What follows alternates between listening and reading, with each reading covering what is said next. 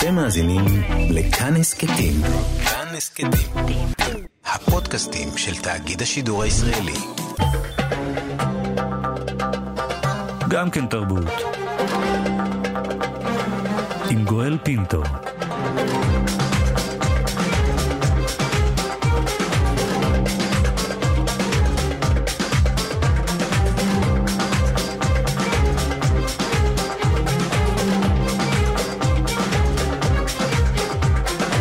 שלום, תודה שבחרתם להאזין לנו. הסכת אה, גם כן תרבות, המיטב מתוך התוכנית היומית שלנו, המשודרת בכל יום ברדיו כאן תרבות, 104.9, 105.3 FM. תהנו.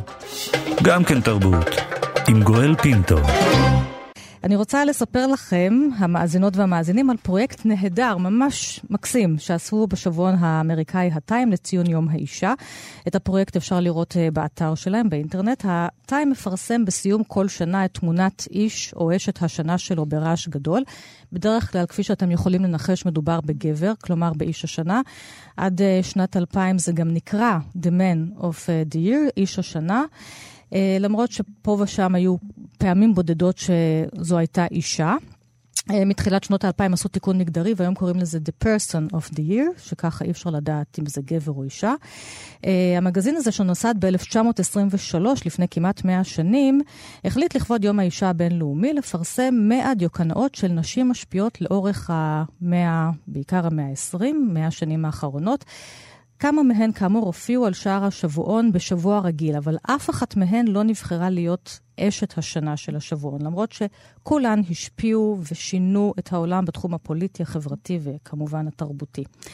אה, בין היתר, בוועדה שבחרה את הנשים גם נמצאת בימאית הקולנוע הישראלית, עלמה הראל. אז אפשר אה, למצוא ברשימה הזאת של נשות השנה האלטרנטיביות של אה, מגזין הטיים את גולדה מאיר, שהיא מופיעה על השער האלטרנטיבי של שנת 1956, שאז היא התמנתה לשרת החוץ שלנו. בשנת 69 היא הפכה לראש הממשלה.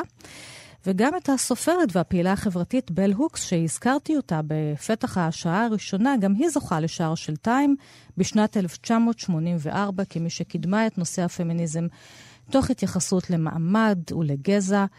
מה שנשים לבנות החלו או הצליחו להשיג היה חסום אה, הרבה מאוד שנים בפני נשים שחורות, אולי גם עד היום, לא אולי, בפני נשים שחורות ממעמד נמוך. ולכן היה צורך לנסח, ועדיין יש צורך לנסח את הפמיניזם מחדש. ובדיוק בנושא הזה של ניסוח הפמיניזם מחדש, אני יכולה לקשור את ה... בל הוקס אלייך, קרן אה, ידעיה, ולדמות של הגיבורה של הסרט החדש שלך, הלא היא מאמי. אותה גיבורה של אה, אופרת רוק, אה, שכתב הלל מיטלפונקט, ואהוד בנאי ויוסי מר חיים עשו את המוזיקה. זה קרה ב-1986.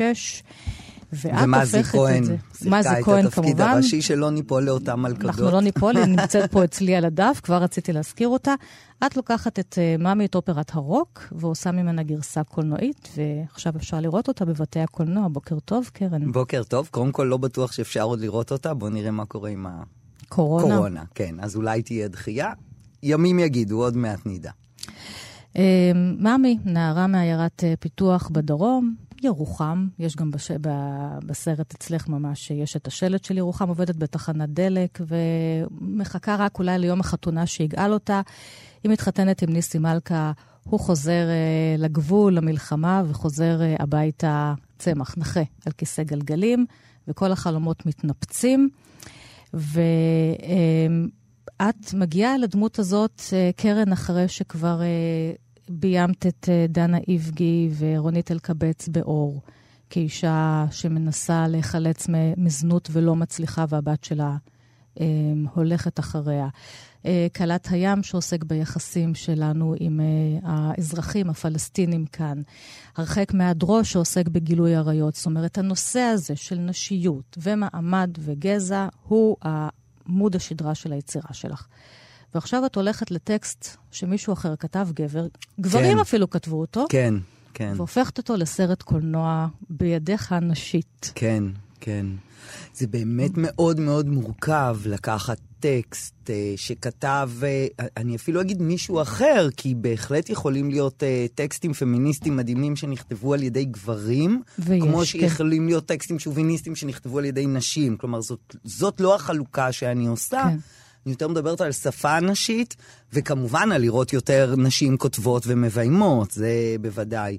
אה, כן, זאת הייתה מורכבות. אה, אה, התאמתי את הטקסט אה, לראיית העולם אה, המאוד פרטית והאישית שלי, גם כאישה, גם כקרן, כלומר, הדברים שהם... אה, את ראית את האופרה בזמנו? כן, כשהייתה, כן, על כן, כן, הבמה, הייתי בת 14, וראיתי אותה בלייב, והייתי המומה, מטולטלת, התאהבתי ב... הדבר הכי חזק שאני זוכרת זה שפשוט התאהבתי במזי כהן. כן, שגילמה את מאמי. וזה היה נורא חזק, כי ההתאהבות שלי בה הייתה ממש כנערה בתחילת, אמצע גיל ההתבגרות, פתאום לראות מודל של אישה אחר. אני זוכרת את העוצמות שלה על הבמה, את הפנים שלה הלא מתוקות, כלומר, לא היה בה שום דבר ש... שהיה דומה לאיך אה, אמרו שאישה יפה, חמודה צריכה להיות. ואני זוכרת שממש איזה, דיברתי על עצמי תוך כדי, כבת 14, כן. ותראי כמה דימוי הוא... איזה נשים אנחנו רואות בחוץ כדוגמאות, וכמה נשים, כמה הוא חשוב לכל אחת מאיתנו כדי לבנות אצלה בעצם הזדהות וביטחון. ומזי כהן בתפקיד מאמי, בתור צופה בת 14, כן?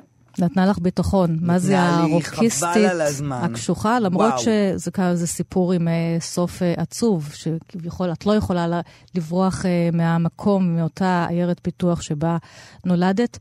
מתי התחלת לחשוב שאת רוצה להפוך את מאמי לסרט? וכשהפכת אותו לסרט, גם יש עבודה עם המוזיקה, שדודו טסה כן, בעיקר כן, ניצח כן, עליה. כן. כי השירים הפכו משירי רוק למשהו אחר לגמרי, עם גוון כן. אתני, מזרחי יותר, כן. ונטע אלקיים שמגלמת את מאמי. עוד לא אמרנו את שמה, נטע אלקיים נכנסה עם הקול, הזמרת הזאת, כן, עם הקול משהו. שלה. נטע כן, אלקיים כן. ודודו טסה מלווים את פס הקול של הסרט שלך. אז מתי את חולמת?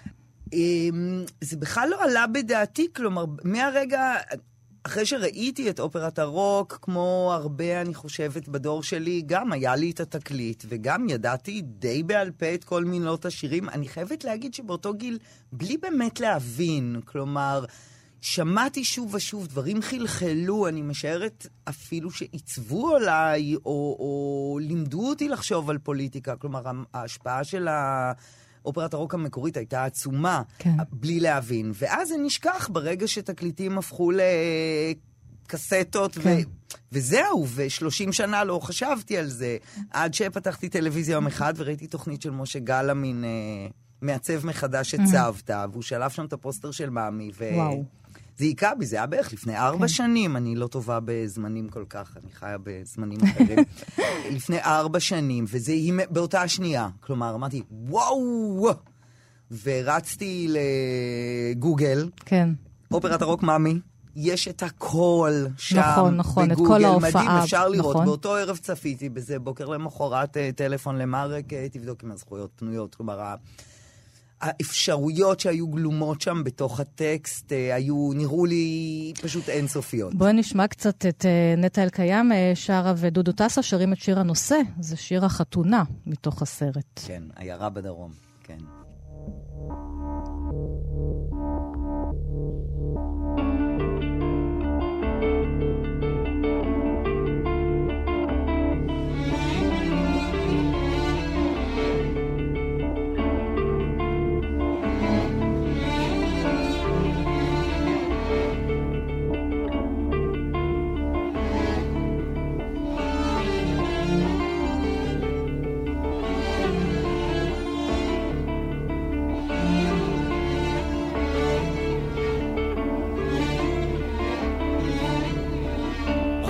בדרום, יום שלישי בערב, פעמיים כי טוב במתנס מתחתנים. הסמל ניסי מלכה, חייל מילואים, וממי, בתם של השכנים.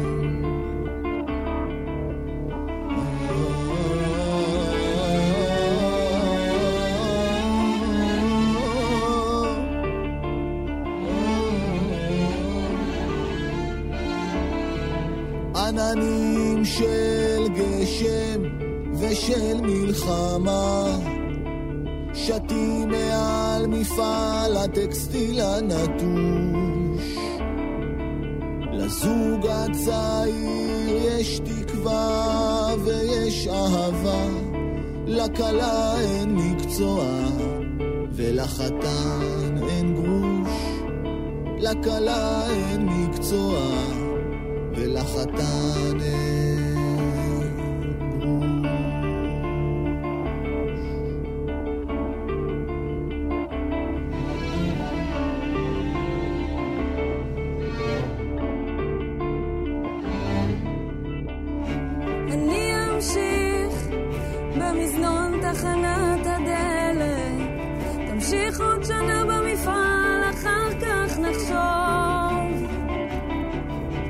הזמן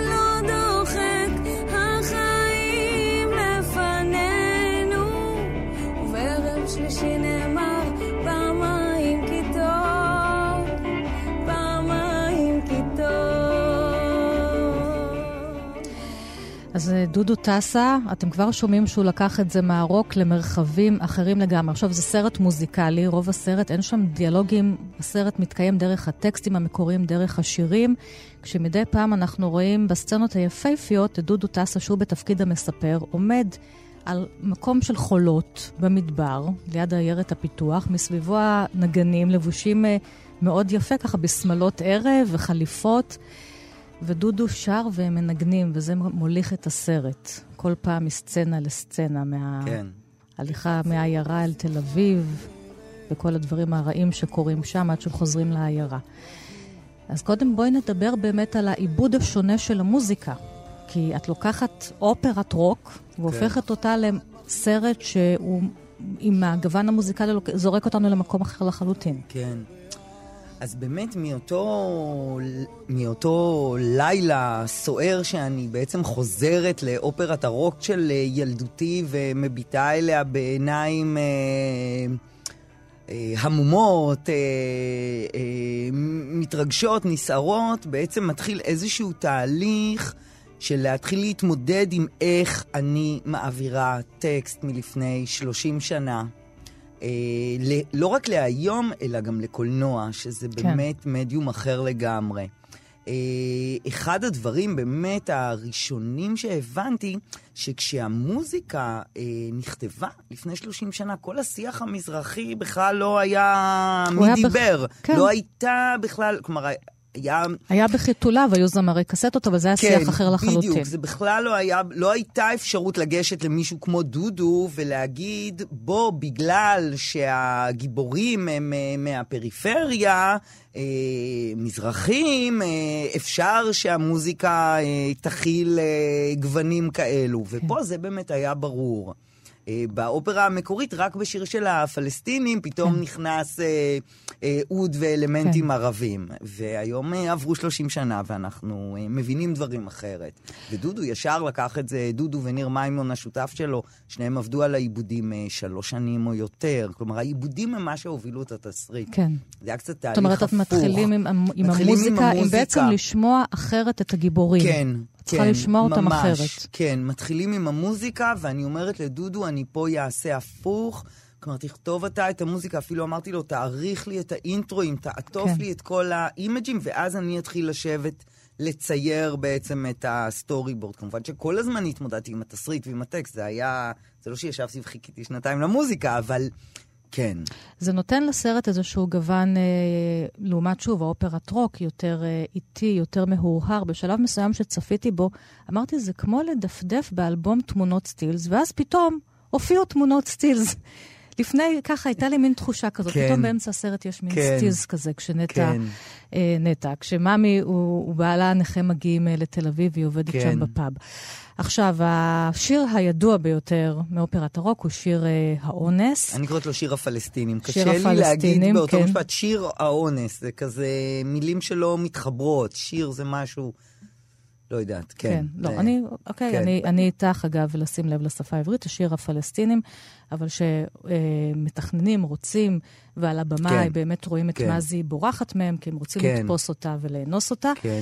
פה אה, מבצע אותו ריאד השחקן סלימאן. ריל- ריאד סלימאן, והוא וממי יושבים באיזשהו באמת מקלט שבו הם מתחבאים הפועלים הפלסטינים, והם מזמינים אותה ואת בעלה לתת להם קורת גג ואוכל, ואז הוא נכנס, המיליטנטי הזה, והוא מתחיל לשיר את השיר. היא לא בורחת הפעם, היא יושבת ועונה לו, והיא כן. שרה ביחד איתו. כן, כשהם יושבים זה לצד זו על הספה. כן. האמת שזה התחיל בעצם מ- מתובנה אסתטית ולא תובנה פוליטית. כלומר, בסרטים שלי, הרבה פעמים כשהיה צריך, התמודדתי לגמרי עם לביים אונס, כן. או ניסיון לאונס. כלומר, זה לא היה בקטע של "הפ- אני לא רוצה להראות לכם כי כאישה או פמיניסטית, ממש לא. זה היה איזושהי תובנה אסתטית. שאחת התובנות הכי אה, מרכזיות שהבנתי בסרט זה שאני יותר אדבר בשפה אה, אה, של מוזיקה מאשר בשפה של קולנוע. כלומר, המדיום הקולנועי בעצם דורש מאיתנו להעמיד סצנות, להעמיד דרמה, לפי חוקי הקולנוע. חוקי הקולנוע אומרים שאם יש סצנה של אה, אונס, מה, מה אנשים אה, אמורים לעשות? לשחק את זה. כן. אבל פה באיזשהו שלב של העבודה, כל פעם הייתי מדמיינת אותו, שר וקם אליה, ונוצר משהו מאוד מלאכותי בחיבור בין אני כזמר שר מדם ליבי, לבין פתאום אני עושה תנועה שהיא מלאכותית, אני גם לא מסיים אותה, כי זה רק כאילו. ופתאום אמרתי, רגע, הם זמרים. הצורה שבה הם מביעים את עצמם זה בשיר. הם לא, כשאת הולכת לדודו טסה להופעה, את לא מצפה שכשהוא שר, אה, לא יודעת, אני אגיש לך פרח, הוא גם יעשה תנועה של אני מגיש לך פרח, הרי זה טיפשי. האמוציות, זה באטל שירה.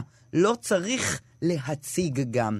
זה הניסיונות, אפרופו גם מה שאמרת על התמונות סילס, זה הניסיונות שאני אוהבת לעשות, אה, המשחקים עם שפת הקולנוע. כן, ואת משחקת פה בהחלט עם שפת הקולנוע כן, גם מול כן. הסרטים האחרים כן. שלך, ואפשר לומר שבזה שהם נשארים לשבת, נכון שהטונים מאוד מאוד קשים שלו, של ריאד, של הפועל הפלסטיני, ומאמי מנסה לפייס אותו ולומר כן. לו, זה לא אני אשמה כן, כן. בנכבה ובמצב כן, ה- כן, הפלסטיני כן, שלכם. כן. אה, אבל כביכול מתחת לטונים הקשים האלה, יש פתאום איזה, את כאילו יכולה לשמוע איזה ניצן של דיאלוג, איזושהי רכות מתחת, בגלל שהסצנה, בגלל שהם שניהם יושבים, באמת, ואין, את יודעת, והוא לא קם אליה, הוא לא קם כן. באמת אה, לעשות במעשה.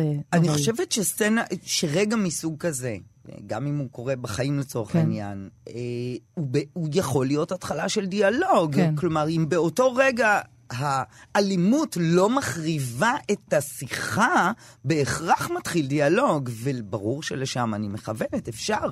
צריך לדעת, אה, כשעושים דיאלוג, לספוג אה, זעם מהצד האחר, זעם מצד אולי ש, שעבר ניצול. לא מדברת עכשיו רק על אה, ריאד ועל הפלסטינים, כן. על כל צד ש... אה, אה, צריך לקבל אה, אנשים עם אמת שונה משלך. אה, זה מאוד מאוד קשה לנו, אני חושבת, להקשיב לאנשים אה, שחושבים הפוך מאיתנו. ושם זה נראה כאילו שעוד רגע, אם לא היו מגיעים השוטרים, אולי, אולי דווקא היה נוצר קשב, הלוואי. ולא מעשה נוראי. אפשר. אפשר אה, לרגע לדמיין את זה. עכשיו, העבודה מול הלל. מילטלפונקט שכתב את הטקסטים, את לוקחת את הטקסטים האלה, שזה ט... אה, האופרת רוק, המחזה המקורי, מאוד פוליטי, גם ביחס אה, למדינה, לצבא, לפוליטיקאים, לסיסמאות שכולם מפריחים מכל הכיוונים. זה נראה שבאמת כאילו כתבו אותו למערכת הבחירות הנוכחית, השמאל והימין, כי כן. ממי הרי עוברת שם איזשהו מטורף, טיפול אה, במוח, הבחירות, כן, כן, כן. והופכת להיות כביכול מין איזו מנהיגה אה, טוטאלית כזאת, שגם סוחבת את ה...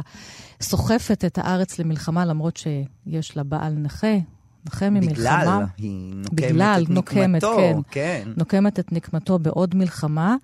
אה, איך הייתה העבודה עם הלל, עם הטקסטים, שאת פוגשת אותם עוד פעם? ובעצם את צריכה לעבוד איתו, ועבדת איתו גם.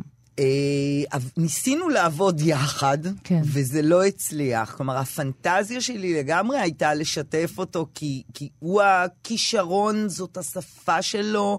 אני אפילו יכולה להגיד שבהרבה דברים אני...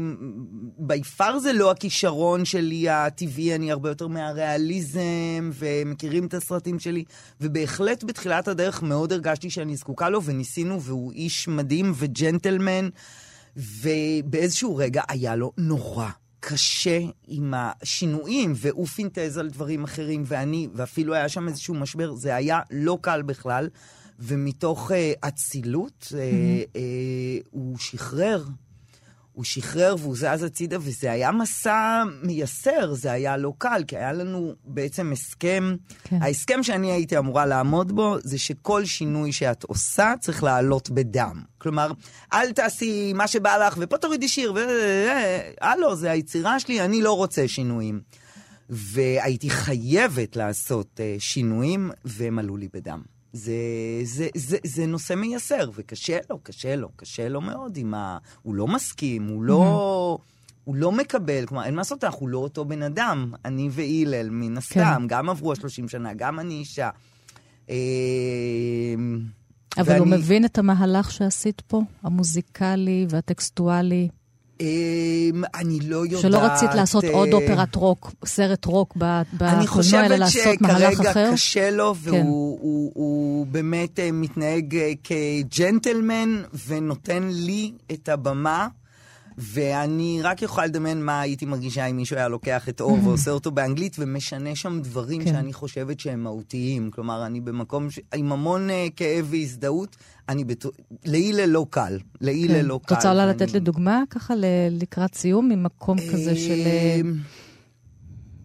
של תראה, איזשהו אחד שינוי, כן. הדברים, ה... אחד השינויים המעניינים שעשינו זה שבאמת, אם דיברת על שיר הבחירות, שיר הבחירות המקורי היה אה, נגד השמאל, נגד הימין ונגד הדוס. דוס, כן, הדתיים. ו...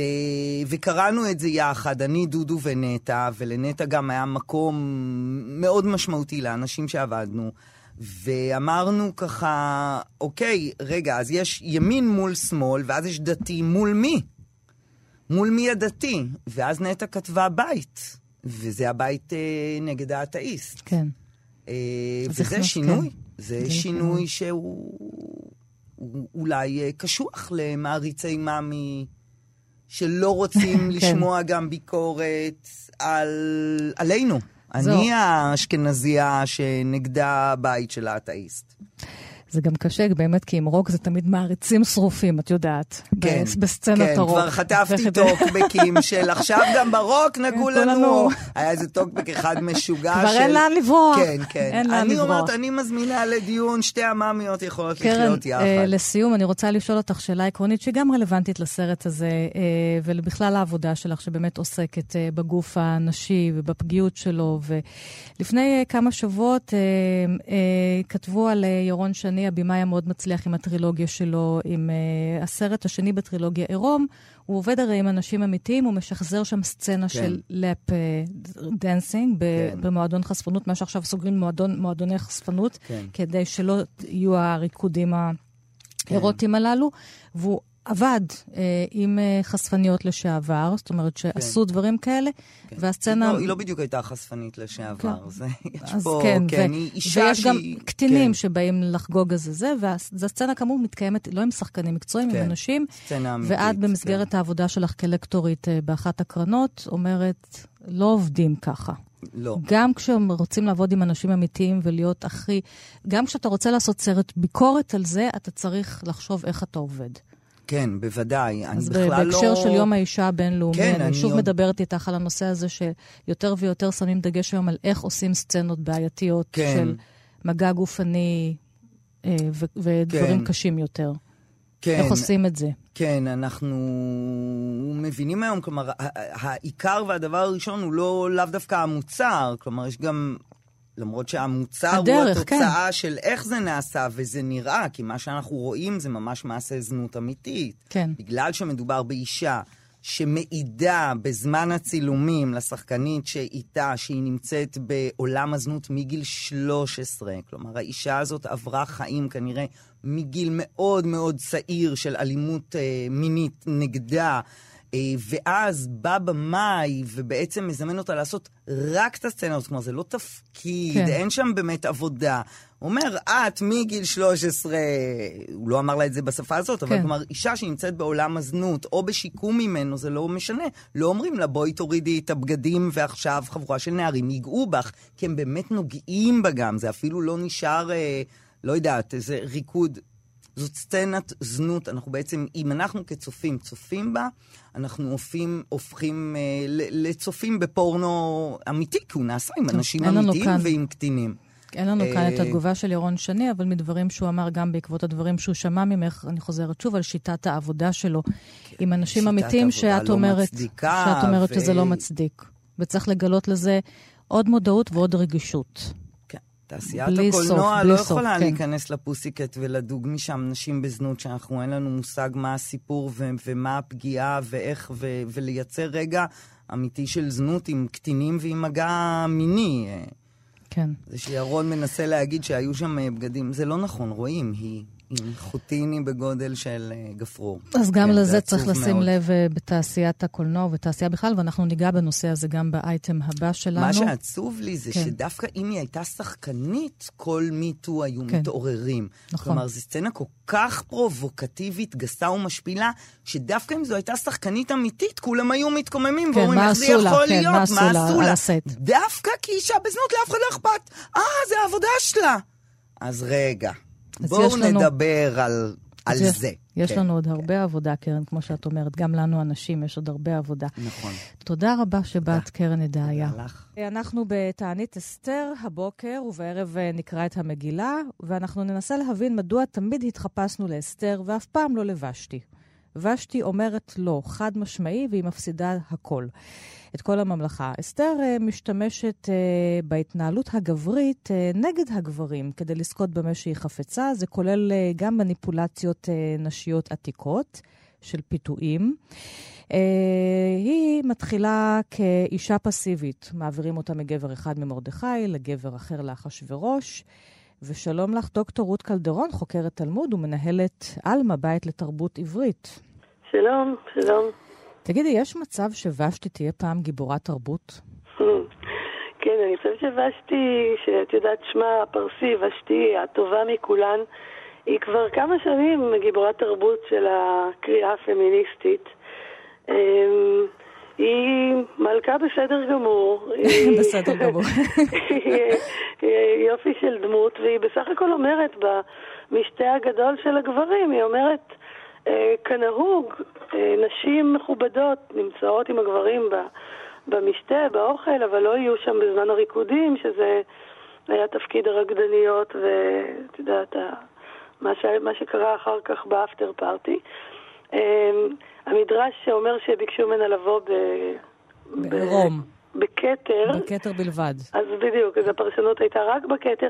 בין אם ביקשו את זה או לא, היא אומרת לאחשוורוש, אם, אם, אם, אם, אה, אמצא חן בעיני האורחים שלך, אז זה לא יהיה טוב, כי אז הם יחשקו בי, ואם לא אמצא חן בעיניהם, אז זה לא יהיה טוב, כי יהיה לך חוסר כבוד, אז בכל מקרה היא מסרבת לבוא. אמ, מה שנראה לי נורא עצוב במגילה, כלומר, אין בה שום דבר רע. במשחקי הפורים אולי עשו ממנה האישה הדעתנית, החזקה, המפחידה, או זאת שבסוף לא זוכה בכל המלכות ובגבר. הדבר העצוב מבחינתי, מבחינה פמיניסטית, הוא שהצליחו שוב גם כאן, כמו שהרבה פעמים מצליחים באנשים מוחלשים או קהילות מוחלשות, לגרום לבשתי ואסתר לא לעבוד ביחד. נכון. לא להיות בסולידריות, כי הסיפור הוא תמיד לו אסתר ובשתי היו עומדות בצד אחד ביחד, או כל הנשים שהיו מסרבות לתוכנית המציאות הזאת, שיביאו נערות בתולות, אה, ישרו אותם חצי שנה בשמן, ואז יביאו כל יום אחת טריה לאחשוורוש, והוא, את יודעת, הפנטזיה הגברית האולטימטיבית, כל יום נערה אחרת, ובבוקר הוא יחליט האם הוא שומר אותה לאוסף, או מחזיר אותה חזרה. הם בעצם כביכול, אסתר הייתה יכולה להגיד לא, אבל בעצם במקומות של דיכוי, כמו בעבדות, כמו בנשים ב trafficking היום, אי אפשר להגיד לא. זה מפחיד, זה מסוכן, זה... זה נקרא הפרד ומשול. האמת היא שזה בדיוק. כמו רחל ולאה. הן לא משתפות פעולה, אסתר ושתי, ואז כל אחת בעצם אה, יוצאות אחת אה, נגד השנייה. נכון, כאילו וגם המשאב- בתרבות, זה גם בתרבות. זאת אומרת, יש את האישה הטובה אסתר, האישה הרעה ושתי. נכון. וכך זה, אנחנו משתפות עם זה פעולה גם כנשים. אני זוכרת, את יודעת, עד היום, אגב, זה ששאלתי למה לא מתחפשות לבשתי, כן. עד היום התמונת פורים היחידה שאני זוכרת זה אותי בגיל אה, חמש או משהו כזה, מחופשת למלכת אסתר. מה שכן, התמונה, אני יושבת שם עם פרצוף, מה זה עצוב. כנראה כבר בלי שידעתי, הייתה לי איזושהי תודעה פמיניסטית. יכול להיות, או שזה היה תענית אסתר. נכון, אנחנו מתחפשות לאסתר שמתחלפת לכלה, שמתחלפת לנסיכה. שמתחלפת ל...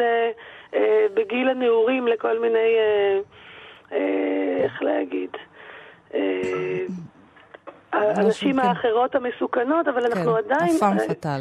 בדיוק, אנחנו עדיין משחקות בתוך הספליט הזה, שהרי הוא, הוא התיקון, הסולידריות בין, הצ... בין הצדדים השונים בתוכנו, בין הארוס לאגפה, בין האהבה האירוטית לאהבה האימהית. הרי אנחנו יודעות שבתוכנו אין בכלל ספליט, אבל התרבות מחלקת אותנו לחווה ולילית אה, על, הפרק הראשון של בריאת האדם. כן, עכשיו, המלאך, המלאך, אה, האישה הקדושה מול האישה הזונה. המדונה, בדיוק, המדונה עכשיו- והזונה. אני רוצה רגע לקרוא לך כמה מדרשים שחז"ל בתלמוד הבבלי מספרים על מה בעצם, מה בעצם היה הקסמה של אסתר באותו לילה, שהיא נשארה וכל האחרות לא נשארו. שבבוקר הוא אומר זאת המלכה שלי. מה הם עשו שם בלילה? והמדרשים הם מאוד, אה, נראה לי, רוויי אלכוהול, אבל מעניינים מאוד. אז אה, הראשון, בבבלי יום הכ"ט, עמוד א', אומרים, אמר רבי זרע, למה נמשלה אסתר לאיילה? לומר לך מה איילה רחמת צר, וחביבה על בעלה כל שעה ושעה כשעה ראשונה, אף אסתר הייתה חביבה על אחשוורוש כל שעה ושעה כשעה ראשונה. כלומר, הכבוד הראשון שהם נותנים לה, או הפנטזיה הראשונה שהם מייחסים לה, הוא שהרחם שלה צר והיא כאילו כל הזמן חדשה. זה הולך ונעשה יותר מעניין שרבי יהודה אומר, ותהי אסתר נושאת חן. סליחה, ממשיך אמר רבי אליעזר, מלמד שלכל אחד ואחד נדמתה לו כאומתו. כלומר, אסתר הייתה אה, בחורה יפהפייה שהפרסים חשבו שהיא פרסייה, היהודים חשבו שהיא יהודייה, האפריקאים חשבו שהיא אפריקאית, היה לה איזה מין יופי, אה, זליג, איך, קראו לש, לסרט הזה של אה, וודי אלן? זליג, שכל זליג. רגע, כל אחד ראה בו את עצמו. בדיוק, וכאן יש משהו עמוק על יהודיות גלותית.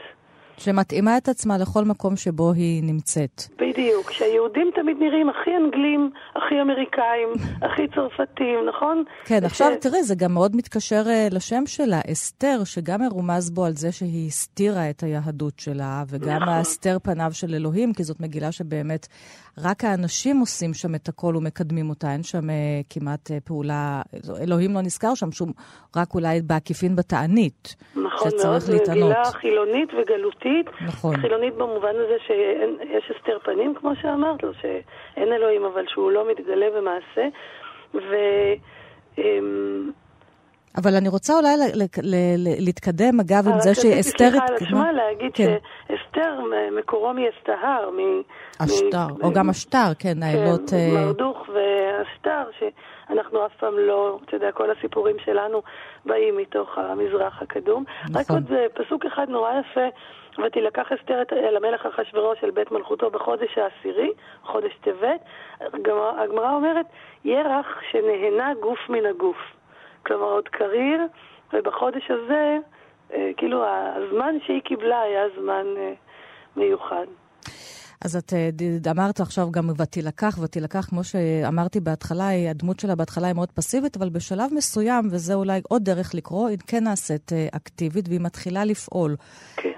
כמו שאני אמרתי, היא לוקחת את הדרך פעולה הגברית והיא פועלת נגדה כדי להציל את אה, עצמה ואת, ה, ואת העם שלה. היא נעשית אקטיבית מאוד ו, כן. ויוזמת את המשטרות האלה, ויוזמת באמת שהמן אה, יבוא כל הזמן עד שכמעט יש שם סצנת אונס, שהיא אפילו גם קצת אומרת, כן, אותה. היא מביימת כן, אותה. כן. אה, אה, אגב, זה קרה או לא קרה, זה אגב מיטו. היא מביימת איזושהי סצנה כדי שסופית אחשורוש יתלה את המן ולא את מרדכי ולא את העם שלה. כן, כאן באמת יש עוד אה, שאלה פמיניסטית, איך אישה עובדת בתוך עולם גברי, כמו שאת אומרת, ומשתמשת במבט הגברי עליה, והיופי של אסתר הוא כלי העבודה שלה, ויש שם איזו סצנה שהיא צריכה שהמלך יקרא לה, אי אפשר ללכת אל.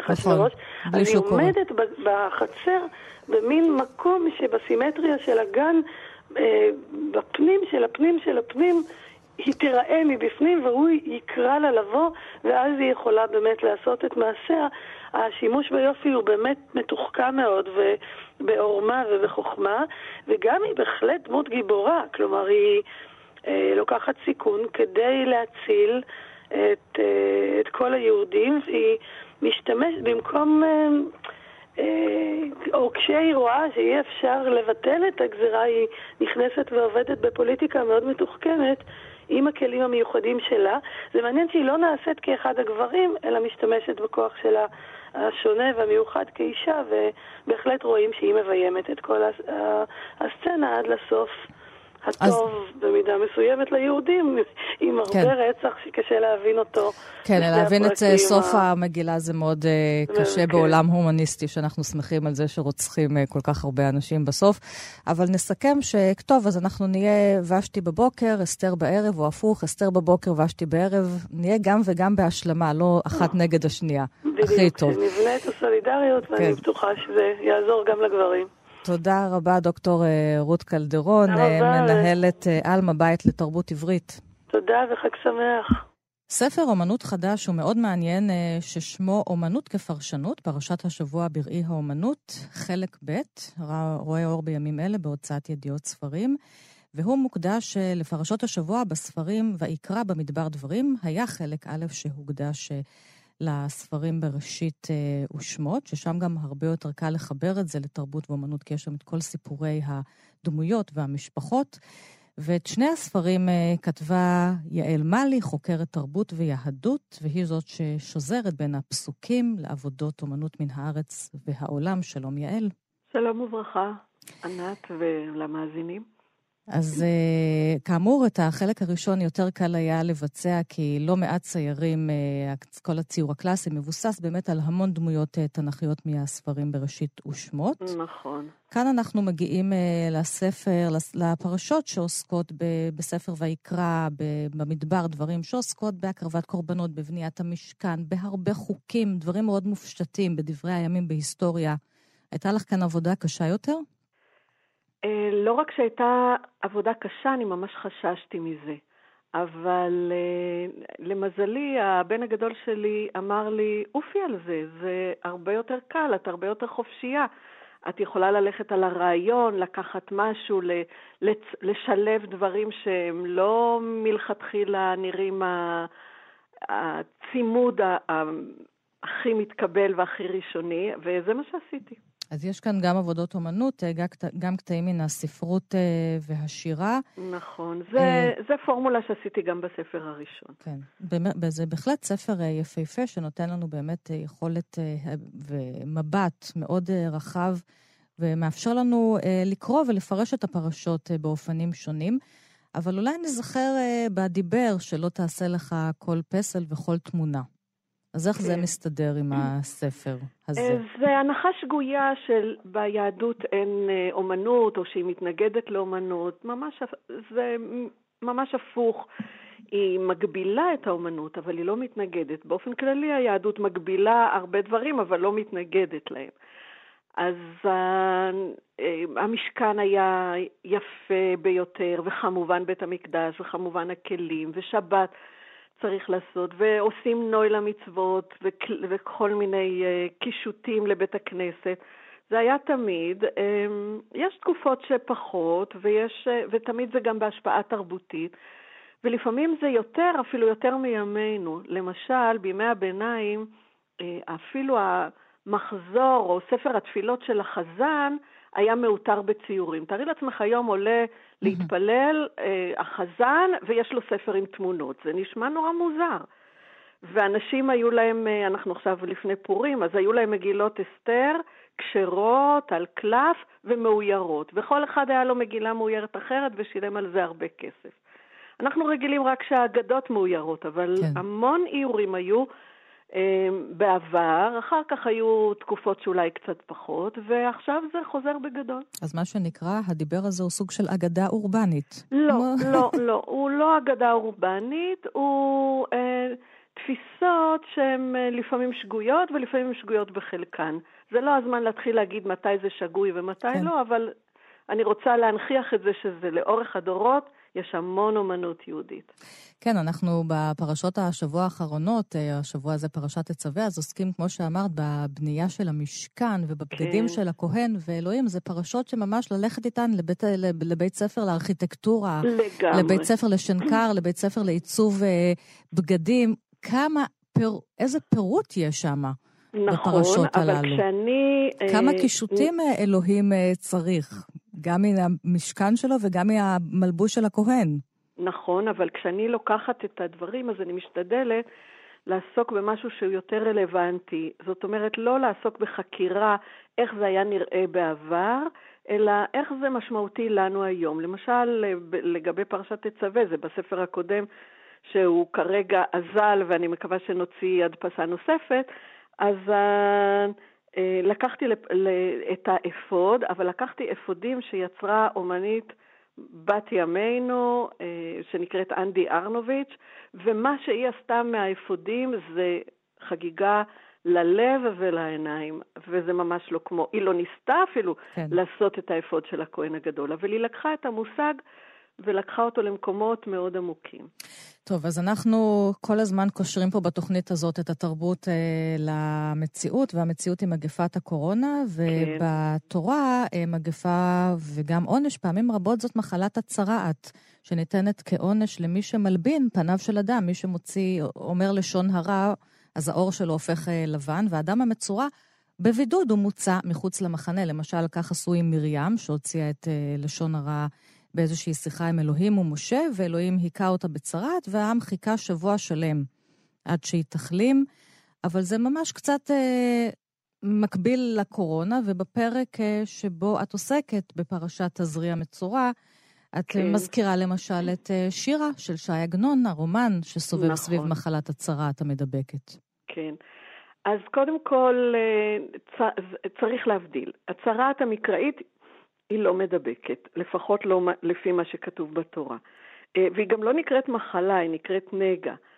זה איזושהי מחלה רוחנית, בדיוק כמו שציינת, נת, שיש לה, אה, שהיא מדברת על כשל רוחני, על, על אנשים שמדברים לשון הרע, על כשל חברתי, על, אה, על יחסים פגומים בין אדם לחברו, ואני חושבת, אה, את יודעת, יש המון דברים, אנשים מדברים בשם אלוהים כל הזמן, ומוצאים כל מיני סיבות למה יש קורונה. כי האדם מחפש משמעות, ו... ובדרך כלל הוא מחפש את ה... מפשפש במעשיו של האחר, אז הוא מוצא כל מיני כשלים חברתיים, אני ממש לא רוצה לחזור עליהם, או כשלים מוסריים, ותמיד זה אצל מישהו אחר. ביהדות, בבסיס, זה לא עובד בצורה הזאת, אלא אה, אדם אמור לבדוק את המעשים של עצמו. ודווקא כשלקחתי את הסיפור הזה של הצרעת, וניסיתי לאבחן בין, באמת בין הצרעת של שירה ו, ובין הצרעת של התורה לבין התמונה שהבאתי של גירלנדאיו, כן, שרק נתאר אותה, שזו כן, תמונה של ששמו אב, איש כן. זקן ונכדו מ-1490. רואים פה איש זקן, שפניו ככה מחורקמות ומקומטות, והוא מחזיק אה, ביד את הנכד שלו עם הפנים הצעירות, הם מביטים אה, זה בזה, אה, ויש פה אדום, ה- לילד יש מין מצנפת אדומה, לסב יש גלימה אדומה. ויש חלון, ויש שהילד... חלון, אבל אה, רואים את כן. הפנים הצעירות כן. הרעננות מול הפנים הזקנות. כן. והילד לא מסתכל עליו בתור אדם ש... שהמחלה שלו אמורה להרתיע אותו, כי הוא מסתכל פנימה, הוא מסתכל אל משהו יותר פנימי, ו- וזה איזשהו קשר שאני מוצאת גם אה, אל הצרעת, שהצרעת לא אמורה, התורה לא מתארת אותה כאיזה משהו מגעיל ודוחה, ואנשים עם, עם אה, איברים שנושרים וכל מיני דברים כאלה, אלא היא בודקת את הסיבות ונותנת לזה כמו איש מדע, כמו שהיום אומרים, ת, תתרחק לשבועיים, ו... ואחר, כך, אה, ואחר כך תחזור. אצלנו לא אומרים תפשפש במעשיך, אבל אה, אולי אפשר להכניס את זה גם.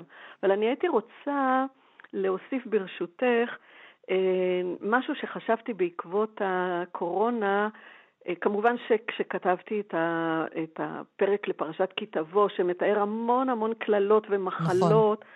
לא העליתי בדעתי שתהיה מין מגפה כזאת, שזה בכלל יכול לקרות בימינו, אבל אה, אה, נדרשתי לשאלה איך בן אדם מתמודד עם הדברים שאי אפשר להתמודד איתם. בעצם אנחנו במין אה, דבר שכל מה שאנחנו עושים אולי מאטים את הקצב, משנים טיפה את הכיוון שלו, אבל אנחנו באמת לא יכולים לשלוט בזה, לפחות לא כרגע. ואחרי שנמצא חיסון למגפה הזאת, אנחנו כבר מבינים שאולי תבוא מגפה אחרת.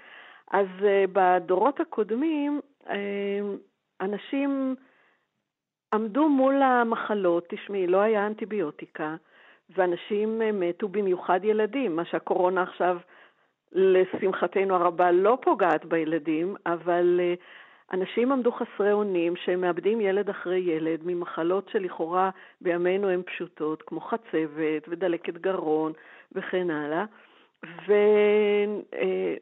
ואדם, הוא, הוא מרגיש שהוא רוצה להתמודד, הוא לא רוצה להיות חסר אונים. אז היו, הם היו שמים בבבל, הם נמצאו למעלה מאלפיים קערות השבעה. הקערות האלה, בהם אדם היה מבקש מאיזה סופר שיכתוב אה, את ההשבעות, שהוא משביע את השד שיצא מהבית הזה. ובאמצע היו מציירים את השד, מנכיחים את הדמות שלו, ואיזושהי, אני מוצאת בזה משהו שהוא לא התעלמות. זאת אומרת, אני לא בהכחשה, אני עומד מול המצב הזה. אני יודע שהאמצעים שלי מעטים, אני עושה מה שאני יכול, ואני משביע את השד, שהוא, אה, אפילו מצאתי אחד ה... שהוא אה, יתמוסס כמו מלח המתמוסס ונעלם במים, ותהיה רפואה לגוף ולרוח ולנשמה. ומין משפט, אה, אה, מטבע לשון בסוף, החיים מנצחים. המון דרך שאנשים כן. רצו לעודד את עצמם. אולי אנחנו גם צריכים... כל מיני קערות שכתובות בארמית אה, יהודית. נכון, והקערות האלה היו טומנים אותם ב... במפתן של הבית, אה, אולי אפילו היו עושים טקס, אבל אנחנו לא יודעים על זה, ומכניסים לתוך זה לשונות של השבעה ו- ולשונות של... אה, כל מיני אה, ברכות, נוסחים מאגיים וברכות, כן, ממש, כדי לגרש את השדים של ככה. המחלות. כן, ושמים, ואני חושבת, אני יכולה לשער שאחרי שהם טמנו את זה ב, ב, במפתן הבית, והפוך, את הקערה, כאילו לכלוא את השד בפנים, אז הקערה עם, ה, עם הצד הכמור שלה כלפי מעלה, אחרי שטמנו אותם, הם הרגישו איזושהי הקלה. אני את שלי עשיתי. אה, אני לא יודעת, אולי אנחנו גם צריכים לחשוב על איזה שהם קערות, כי אומנית... כן, את מציינת כאן את איילת דורה כן, ספיריה, שהיא אומנית צעירה שעושה היום קערות כאלה, כחלק מעבודות האומנות שלה. נכון, היא דווקא לא מקללת את השדים, היא, היא עושה בדיוק ההפך, כי אצלנו יש איזושהי נטייה להדחיק את, ה, את הרע. Mm-hmm. אולי זה בגלל שעברנו שואה ואנחנו כבר לא, אין לנו כוח לצרות, אז אנחנו מדחיקים, זה גם במישור הפרטי. Uh, היום זה כבר קצת השתנה, אבל היא מדברת על לידה שקטה. שאנשים אה, היו אומרים, את יודעת איך אה, מדברים, אה, טוב, בפעם הבאה יהיה בסדר, העיקר שיש, או העיקר שיש לך כבר ילדים בבית. לא מוכנים לשהות כן, ב... עם הכאב, באובדן. כן, אז זה מה שהיא עושה בקערות שלה, היא שוהה בתוך המקום, לא מתוך זה שהיא רוצה לשקוע במקום, אלא היא רוצה להנכיח אותו, להגיד זה חלק מהחיים. כן, הרי הקערה אצלה סוג כמו, כמו סוג של אה, רחם, כמו איזשהו נכון. משל אה, לאימהות. תראי, גם קצת בטן הריונית, אם תחשבי כן. איך קערה נכון, נראית. נכון, נכון. ואנחנו נחתום את השיחה בדרך שבה את חותמת את הפרק על פרשת כי תבוא עם הברכה, התפילה הזאת, והסתלקי וצאי מן הגוף הזה והבית כמו מלח המתמוסס ונעלם במים, ורפואה תהיה לגוף, לגוף, לרוח ולנשמה, החיים מנצחים. תודה, לא יכולתי לחשוב על משהו יותר טוב לסיים. תודה רבה לך, יעל מלי. הספר תודה, אומנות. כפרשנות פרשת השבוע בראי נמצא האומנות. בחנויות, ואנשים, אתם מוזמנים ל- לרכוש. פורים שמח, תודה תודה. להתראות. סרט שהשתתף בפסטיבל אפוס, שכולו מוקדש לסרטי אומנות ותרבות, יפ- וייפתח השבוע במוזיאון תל אביב, הוא 8,000 מהדקי נייר. זה שם הסרט, יצרה אותו ניצן טל. והוא עוסק אה, באומנות ובקשר שלה למרחב החברתי, ועוקב אחרי האמן רפאל לומאס, שחי בכליל. שלום, רפאל. שלום, בוקר טוב. אתה פגשת באוגנדה קבוצה של ילדים פליטים מדרום סודאן, שחלקם חיו פה בישראל וגורשו מכאן בחזרה לדרום סודאן, לסודאן המוכת המלחמה והרצח והמחלות והרעב, והם הצליחו איכשהו להגיע לפנימייה, אה, מוסד חינוכי באוגנדה, ושם אתה פגשת אותם ואמרת, אני לא עושה אומנות רק אה, בשביל עצמי או בשביל הקהל בארץ, אומנות צריכה לחצות את הגבולות וגם ללכת אל המקומות הקשים ולעשות ביחד עם הילדים הללו יצירות אומנות. תספר לי איך אתה פוגש אותם. חלק מן הדברים שאנחנו גם רואים בסרט. לדייק, אם מותר לי רק לדייק, אה, אה, כל הילדים אה, חיו או נולדו בישראל. כן. אה, וגורשו מפה. ועם ההצהרה של עצמאות של סודאן, הם באמת גורשו, החזרו. חשוב לי גם לומר שאני אומן, אין פה, אין פה איזה הצהרה פוליטית, זה מעשה אה, אה, אומנות, או הניסיון לקחת את האומנות לחיים עצמם. וכתוצאה מהמצב בדרום סודאן והמחלות או המלחמה שהמשיכה, אה, ישראלים אה, שהכירו אותם בזמן החיים שלהם בארץ אה, נרתמו והעבירו אותם אה, לסודאן, זה לאה ורמי שהקימו עמותה בשם קמטרו, ובעצם לכל, לכל אה, ילד שם יש ספונסר אה, ישראלי, ברובם ישראלים, שמממנים את החיים והשהייה שלהם שם בפנימייה. אמ, אז תספר לי איך אתה פוגש אותם, ובשלב מסוים גם מחליט לנסוע ולהיות איתם שם וליצור איתם.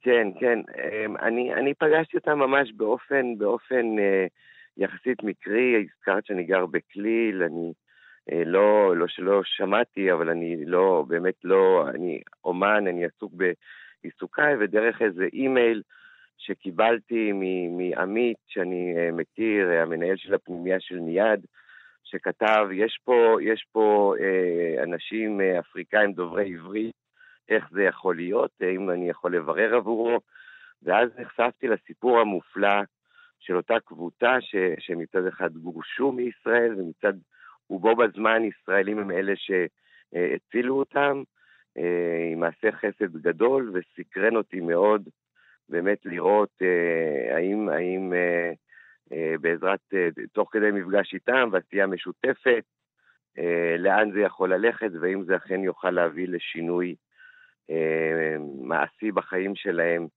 אה, כך שבאמת, כמו שציינת מקודם, האומנות היא לא רק אה, באפיק היותר אה, מוכר, הסטרילי, משהו שהוא יקר לי, הוא עולמי, אבל של אומן, גלריות, מוזיאונים וכן הלאה, אלא בחיים עצמם, ובתיאום אה, עם, אה, עם קמטרו וברית עולם בזמנו, אה, נסעתי לפגוש אותם אה, באנטבה.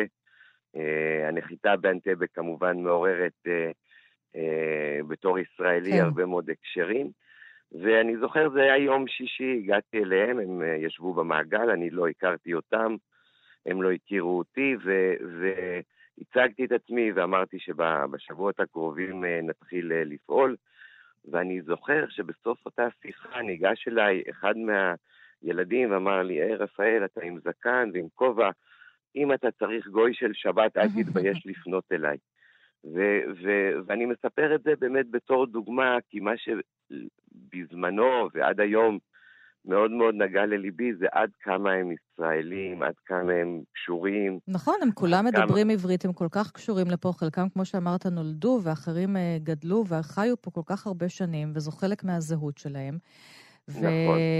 ואתה עובד איתם, אתה, האומנות שלך עוסקת ב readymade, ואתה מחליט לעשות איתם בית שהוא כולו עשוי ממהדקי, אותן מהדקי נייר, אטבים, מ-8,000 מהדקי נייר.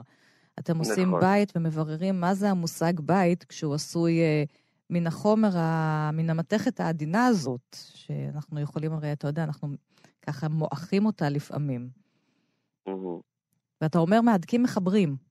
נכון, נכון, אנחנו נכון. מתחילים אני, אני מחיבור. זוכר, זה, זה, זה לא היה מתוכנן, אני באמת חשבתי שאני אבוא וניצור איזה פסל. אה, אני בתור אומן אוהב לשמור על, ה, על, ה, על העבודות שנוצרות. חשבתי בזמנו שזה יישאר באקדמיה בניד, אבל ממש ב, ב, תוך כדי הימים הראשונים של המפגש איתם, מה, ש, מה שכל כך אה, אה, נגע, נגע בי, ו, ומצד אחד הקשר שלהם, מצד שני שהגירוש היה כל כך, היה טרי,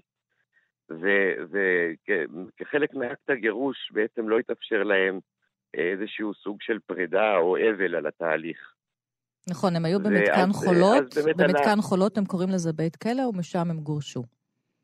סליחה, לא שמעתי אמרתי, שוב. הם היו במתקן חולות, שלא, שהם קוראים לו, קראו לו בית נכון. כלא, ומשם הם גורשו חזרה לד- לדרום סודאן. נכון, אז זה לא, לא, לא, לא, הת- התהליך של הפרידה מישראל, לא קרה. מהחברים, מהמורים, כל זה אה, לא התאפשר, ואני חשבתי שיש יש מקום לנסות אה, אה, להשתמש בפעולה יצירתית אומנותית, גם לאפשר להם להתחבר כקבוצה שמה, וגם שהפסל נשלח אותו ונביא אותו לפה, וסביבו הם יוכלו להיפגש באמצעות שיחת סקייפ עם המורים והחברים שלהם, דווקא ממקום של איזושהי עוצמה. הנה, אה, גורשנו, אה, הוחזרנו, יצאנו מפה, והנה אנחנו שולחים, אנחנו לא יכולים לחזור, אנחנו שולחים אה, את, ה, את ההמשך שלנו בדמות של אה, שהוא עשוי ממדקן נייר. אני ביקשתי מהם ליצור בית, מסתבר שהם בעצם יצרו סוג של פרוזדור. אה, זה בית בלי דלתות, מה שבאמת אולי אה, מאפיין את התחושה שלהם, שבית הוא מקום של מעבר, ו- ו- וכך היה. אני, אני אה, מאוד מאוד הרשים אותי ה- היכולת שלהם להתגייס לזה, לעבוד, לעבוד בזה. היו ימים ארוכים, היה גשם, הם ממש, אה, כשהם הבינו שהפסל שהם עושים שם באוגנדה, שאנחנו עושים ביחד, בסופו של דבר יגיע לישראל, זה באמת אה, הרבה תעצומות נפש שנחשפו שם. כן, מגע הידיים שלהם שמגיע לישראל, והם מצליחים איכשהו מרחוק אה, לגעת בחברים ובמורים שהם השאירו כאן. אה, רפאל לומאס, אני מאוד מודה לך, הסרט מאוד מאוד מרגש, ומאוד אה, חשוב גם, אה, שוב, על היחס אה, שלנו תודה רבה. זה לפליטים. סרטה של, אם רק מותר לציין, זה סרט שעשתה ניצן כן, ניצן טל, נכון. שחיה בארצות הברית, ובאמת אה, נרתמה לעניין, אה, והיכולת עכשיו להביא את הסיפור ולשתף, אני באמת מאוד מקווה שיהיה מנף. אז שמונת אלפים מהדקי נייר, וזה יופיע בפסטיבל אפוס לסרטי אומנות ותרבות שיפתח אה, מחרתיים במוזיאון תל אביב. הוא גם משתתף בתחרות הישראלית, אז בהצלחה. תודה, רפאל לומאס. להתראות. תודה רבה. כאן הגיעה לסיומה תוכנית נוספת של גם כן תרבות. כרגיל, אנחנו שולחים אתכם לעמוד הפודקאסטים שלנו, עמוד ההסכתים, בכתובת כאן.org.il/פודקאסט. שיהיה לכם מה להאזין. תודה שהייתם איתנו. Bye.